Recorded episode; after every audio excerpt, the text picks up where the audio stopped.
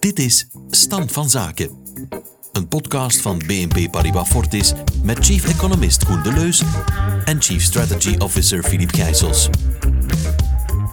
Elke maand staan Koen en Philippe stil bij een tijd die zelden nog stilstaat. Wat valt hen op en wat houdt hen bezig in onze wereld die niet stopt met veranderen? En wat betekent dat voor de economie, voor de markten en voor jou? Koen en Filip overlopen het met host Francesca van Tielen. Dag Koen, dag Filip. Francesca, dag Koen. In deze aflevering hebben we het over AI, Artificial Intelligence. Wat zijn de mogelijkheden en de gevaren van AI? Wat zijn de gevolgen voor mensen, bedrijven en overheden? En betekent ChatGPT een echte revolutie of is het de zoveelste hype?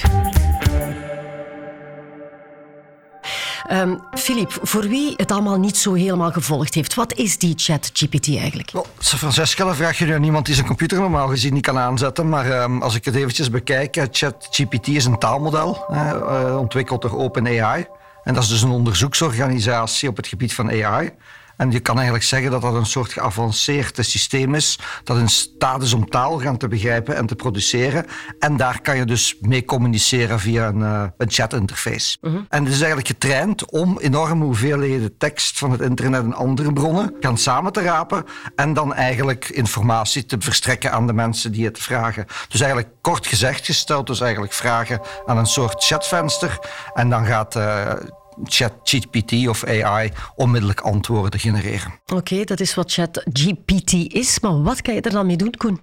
Van alles. Zo is er uh, bijvoorbeeld een Amerikaan, Amar Rashi, en die heeft een kinderboek geschreven met behulp van ChatGPT. Dus het draagt bij om creatief te zijn. Nu, nog straffer, ChatGPT heeft onlangs ook het examen voor een Amerikaanse rechtenfaculteit afgelegd. En oké, het was maar een C+, maar vandaag, in de volgende versie van ChatGPT, zie je al dat hij A heeft gehaald. Dus hij wordt alsmaar slimmer. En dus als dat algoritme nog slimmer wordt, ja, wat gaat er dan gebeuren? Ja, want het is een self-learning proces hier. Hè? Dus wat is dan de volgende stap? Wel, vandaag is het nog altijd een hulpmiddel, maar stel dat het dus zelf creatieve en nieuwe ideeën gaat genereren, ja, dan kom je ergens in een omgeving, en dat is, uh, ik citeer u Marion de Bruyne, director van de Vlerik Business School, kom je in een situatie, een beetje vergelijkbaar met de oprichting van het onderzoekscentrum Palo Alto in de jaren 70. En dat lag aan de grondslag van internet, van de PC enzovoort. En het was ook Steve Jobs die daar zijn mosterd haalde om de computer en zijn Apple computer te maken. Maar dus als AI niet alleen bestaande dingen samenbrengt, maar ook nieuwe ideeën gaat genereren en dus wetenschappers gaat vervangen, ja, dan zitten we toch echt met een technologische revolutie. Ja, Filip, denk jij ook dat er ons spannende tijden staan te wachten? Ja, ik denk het sowieso wel. Hè. Um, dus duidelijk een nieuw interessant verhaal. En ja, oké, die AI is al een hele tijd bij ons geweest. Hè. Daar zijn al drie, vier golven van geweest. En we zeggen altijd, alles gaat in golven in onze wereld. Dat is ook uh, met AI zo. Nu, al die vorige zijn eigenlijk op een sisser uh, uitgekomen gelopen. En dan vragen mensen, ja, is dit weer een hype die heel snel gaat sterven? Wel, ik denk dat op dit moment niet, want als je kijkt naar innovatie, wel, innovatie moet je je eigenlijk voorstellen als een tafel waarop onderdelen liggen, halfgeleiders en allerlei chemische stoffen en computers. En rond die tafel zitten slimme mensen, ingenieurs, Nobelprijswinnaars, maar ook bricoleurs, want heel veel uh, uitvindingen worden net gedaan door mensen die gewoon dingen in elkaar steken. En natuurlijk, uh, je moet die uitvindingen doen met de dingen die op tafel liggen. Je kan een idee hebben over een wagen, over een vliegtuig. Als je geen motor hebt, kan je daar weinig mee doen. Uh, als je een computer wil maken, oké, kom dat mechanisch proberen te doen in het verleden. Maar dan heb je een halfgeleider nodig. En het punt is, wat heb je nodig aan onderdelen om artificiële intelligentie kunnen te maken? Want dan heb je big data nodig. En dan heb je heel veel rekenkracht nodig van computers. En dat was net wat er de vorige keren onvoldoende op tafel lag. Dat ligt vandaag wel op tafel. Dus ik denk echt deze keer, uh, en als het al drie of vier keer geweest is dat het niks geworden is, zegt iedereen het zal wel weer niks zijn. Maar deze keer, uh, I believe it's for real. Ja, en je kan veel leren natuurlijk uit die big data. En dat is beleggers natuurlijk ook niet ontgaan. Hè? Nee, uh, we krijgen daar heel veel vragen van, uh, van cliënten ook. Van hoe moeten we dan daarop inspelen? En uh, we hebben al heel veel ETF's die daarop inspelen. Exchange Traded Funds, die, die dan natuurlijk bedrijven gaan zoeken. En daar heb je twee grote groepen. Alle grote technologiebedrijven, ja, die willen daar natuurlijk allemaal in actief zijn. Nu, als je daarin investeert, ja, dan koop je natuurlijk een heel klein stukje artificiële intelligentie. Want ja, die hebben natuurlijk nog heel veel andere activiteiten.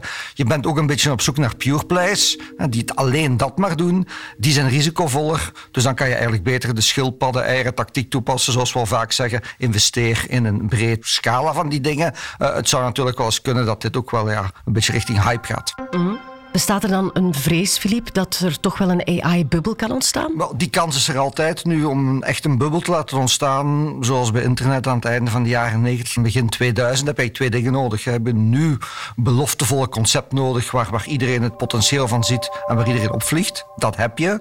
Maar je moet dan natuurlijk ook voldoende brandstof hebben. En in onze wereld is dat liquiditeit. En op dit moment natuurlijk is het niveau van liquiditeit in de markten aan het verminderen. Dus je hebt minder brandstof. Dus ik denk dat dat misschien toch iets minder een uh, ja, die risico op een bubbel heeft dan internet had bijvoorbeeld.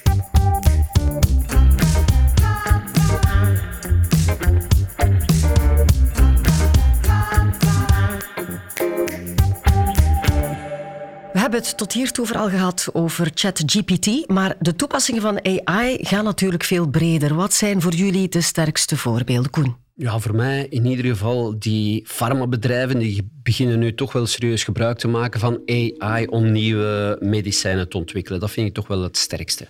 Wel, ik denk dat dat een heel interessant punt is. En als je bijvoorbeeld kijkt naar proteïne, bijvoorbeeld. Hè, proteïne zijn heel belangrijk. Wordt ook vaak gebruikt om medicijnen op gaan af te zetten. Hè, moleculen op af te zetten om ziektes te genezen. Nu, er zijn tienduizenden van die proteïnes. En in het verleden moest je uiteindelijk met een prof en dan nog wat MBA-studenten... moest je daar toch wel twee jaar op werken om zo één ding in kaart te brengen. Nu kan je op een paar maanden tijd uh, al die proteïnes in kaart brengen. Dat is ook gebeurd. En wat het mooie daarvan is, die worden dus eigenlijk in open source beschikbaar gesteld voor alle farmaciebedrijven. Dus die farmaciebedrijven kunnen daar gebruik van maken om hun geneesmiddelen gaan te ontwikkelen. En dan zie je maar, dat is die exponentiële groei waar we al een paar keer over gehad hebben in het verleden, dat je de groei in één domein, artificiële intelligentie, ook de groei en de productiviteit in een ander domein gaat uh, verbeteren. En in dit geval geneeskunde. En daar, ja, daar kunnen we toch alleen maar blij mee zijn.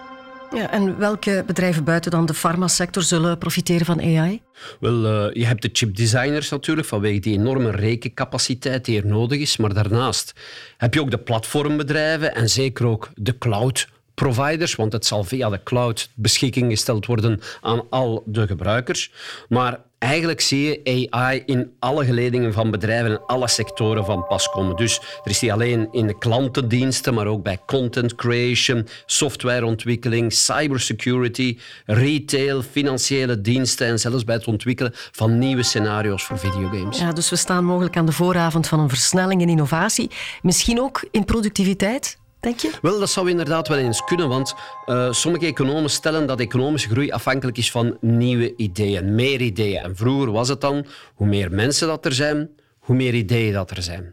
Nu, het enige probleem is dat je met een beperkt aantal wetenschappers zit. En de wetenschappers, daar komt meestal de goede ideeën van. Maar stel nu dat je op een bepaald moment die chat GPT, dat die ook ideeën gaat genereren.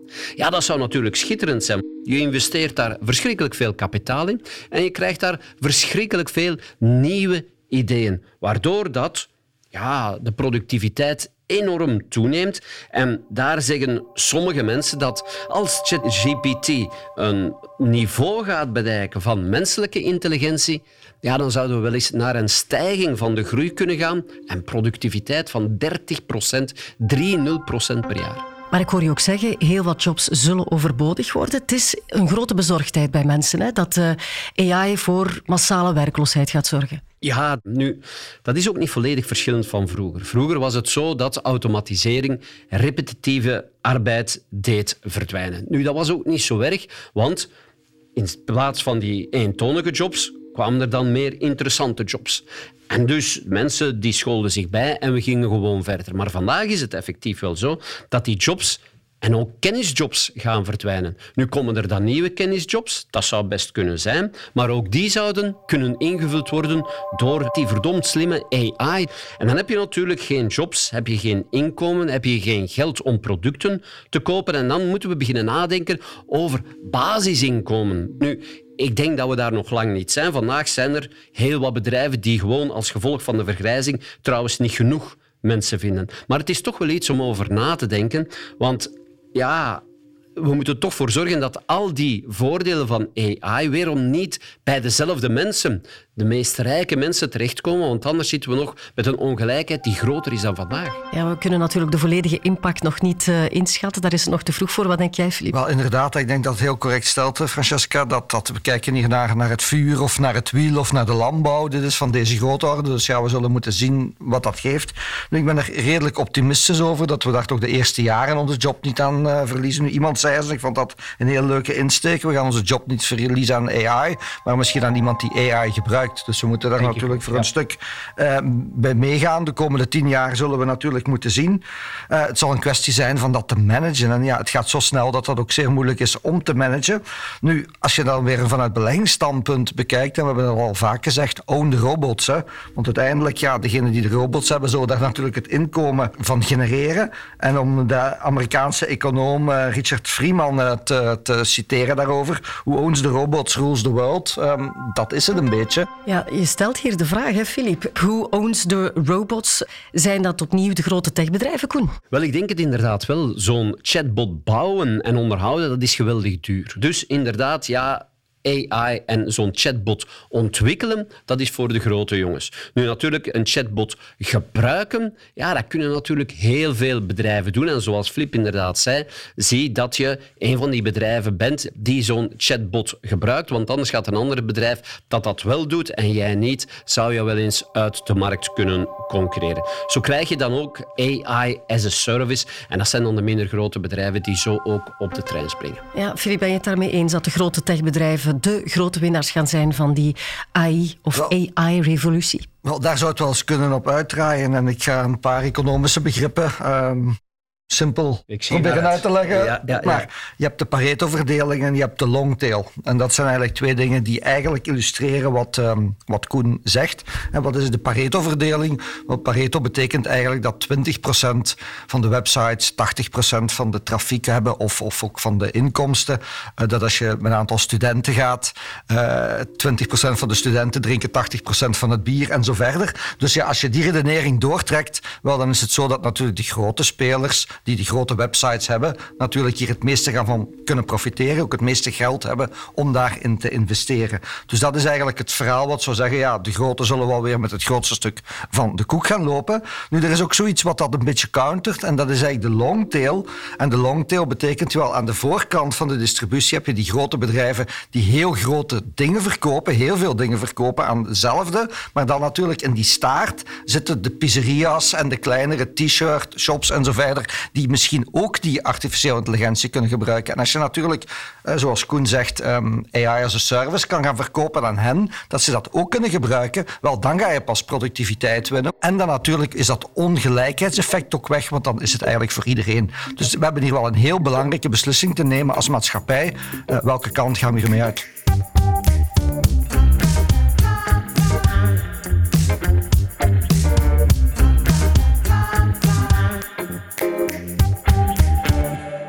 Buiten de vele goede dingen die AI kan helpen creëren, zoals betere geneesmiddelen, zijn er dus ook negatieve kanten, dat hebben we gehoord, zoals jobverlies en grotere ongelijkheid. Maar wat met de echt duistere kant van AI? De mogelijkheid dat computers het overnemen of ongewenste dingen gaan doen? Wel, um, je hebt waarschijnlijk al wel gehoord van peak oil, Francesca. Dus het moment waarop de vraag naar olie gaat pieken, om daarna af te remmen. Nu, er was vroeger zoiets als peak horse. Uh, en dat was in 1905 en dat was op het moment waarop de vraag naar paarden in de VS piekte om in de decennia daarna als gevolg van de komst van de wagen, met 90% te dalen, dus het gebruik van die paarden. Nu, vandaag zitten we misschien met peak human. Ja, als artificiële intelligentie intellectueel verder staat dan de mensen, worden wij, zoals die paarden, misschien overbodig en worden wij misschien aan de kant geschoven? Wel, Koen, dat is wel een uh, sombere gedachte, moet ik zeggen. Hoe kijk jij ernaar, Filip? Wel, het is uh, heel complex en dan hou je er natuurlijk slimme mensen bij. En ja, iemand die wel iets van computers weet, is waarschijnlijk wel Bill Gates. En als ik hem even mag citeren. We always overestimate the change that will occur in the next two years. And we underestimate the change that will occur in the next ten. Dus ik denk dat hij daar wel gelijk heeft. Als we er nog iemand heel erg slim bij halen, Ian Bremmer, een bekend Amerikaans risicospecialist, die noemt AI weapons of mass disruption. Niet destruction, maar disruption. Dus dat kan ook al tellen. En je ziet daar eigenlijk drie grote punten. Gezondheidscrisissen, klimaatsverandering en dan ook die AI als mogelijk disruptieve dingen. En de paradox is dan voor een stuk van, ja, dat zijn problemen die je op mondiaal niveau uh, moet kunnen aanpakken, net zoals klimaatsverandering er ook zo eentje is. En als je dat natuurlijk eh, globaal kan doen, dan kan je oplossingen vinden. Maar dit valt nu net in een tijdsgevricht, op momenten de tijd dat er de samenwerking tussen ja, verschillende landen of blokken steeds minder en minder wordt. Dus dat is eigenlijk wel een issue. Nu, er zijn ook altijd weer positieve punten. En monopolies zullen misschien wat afbrokkelen. Er komt misschien iets nieuws. Eh, dat is misschien niet slecht. Eh, je ziet, er zijn heel veel moving parts. Dus het is heel moeilijk om daar een eenduidig antwoord op te geven. Ja, en wat is dan jouw conclusie? Moeten we bang of hoopvol zijn over AI? Wel, ik denk ook weer, zoals een bankier soms antwoordt, allebei. Hè. Ik ben bang aan de ene kant en zeer hoopvol aan de andere kant. En als investeerder is het zeker likkenbaarde hier. Uh, ik denk dat hier een opportuniteit ligt dus die we eigenlijk al jaren, misschien decennia niet meer hebben gezien. Maar aan de andere kant kan je de vraag stellen, hebben we hier de doos van Pandora misschien niet geopend? En wat stel dat artificiële intelligentie nu gebruikt wordt om, om nieuwe wapens te ontwerpen wat als het slimmer wordt als, als mensen, zoals Koen het stelt. En dan komen we wel heel dichtbij wat uh, futuroloog Ray Kurzweil uh, ja, een aantal twintig jaar geleden al in zijn boeken schreef. En hij noemde dat de singulariteit. En wat betekent singulariteit? Wel als een computer zichzelf beter en sneller kan programmeren of trainen in dit geval, als we over AI praten, dan een mens dat kan doen, ja, dan kom je natuurlijk in een soort exponentieel verhaal, wat heel moeilijk uh, te controleren en te managen valt. Wel, ik denk als dat komt, ja, dan zit je natuurlijk in een wereld die structureel anders zal zijn van wat we gewoon zijn. En ongekende opportuniteiten, maar ook ja, ongekende risico's waarschijnlijk. En een wereld waar een heel duidelijk regulerend kader vanwege de overheid om die ontwikkelingen in goede banen te leiden toch wel absoluut noodzakelijk is.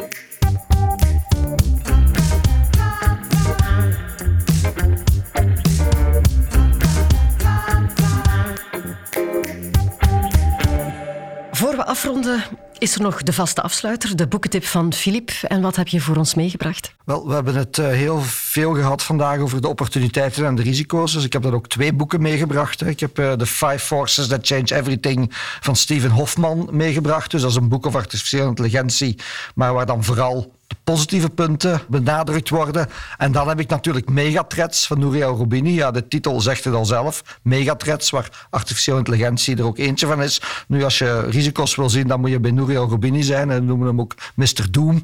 Dus uh, ja, daar blijft van uh, artificiële intelligentie niet veel over. Maar ik denk als we de twee naast elkaar leggen, dat we mogelijkerwijze wel een uh, goed evenwicht vinden. Voilà, dan hebben we weer leesvoer. Dankjewel. Absoluut. En zo zijn we aan het einde gekomen van deze podcast. De info over de vermelde boeken vind je in onze show notes. Deze podcast werd opgenomen op 20 maart. De volgende stand van zaken staat online op 3 mei. Koen en Filip, ik onthoud dat we bezorgd en hoopvol moeten zijn hè, over AI. Dank jullie wel. Dank je, het was zo heel leuk. Dank u. Dit was Stand van Zaken. Vond je deze podcast interessant? Abonneer je dan via Apple Podcast, Spotify of een andere podcast-app naar keuze. Of deel deze podcast via sociale media. Zo help je ook anderen om hem te vinden. Heb je intussen vragen, opmerkingen of suggesties? Die kun je mailen naar socialmedia.bnpparibafortis.com. Graag podcast Stand van Zaken in de onderwerpregel vermelden. De opinies in deze podcast zijn die van de presentator en de geïnterviewde en geven niet noodzakelijk het standpunt van BNP Paribas Fortis weer.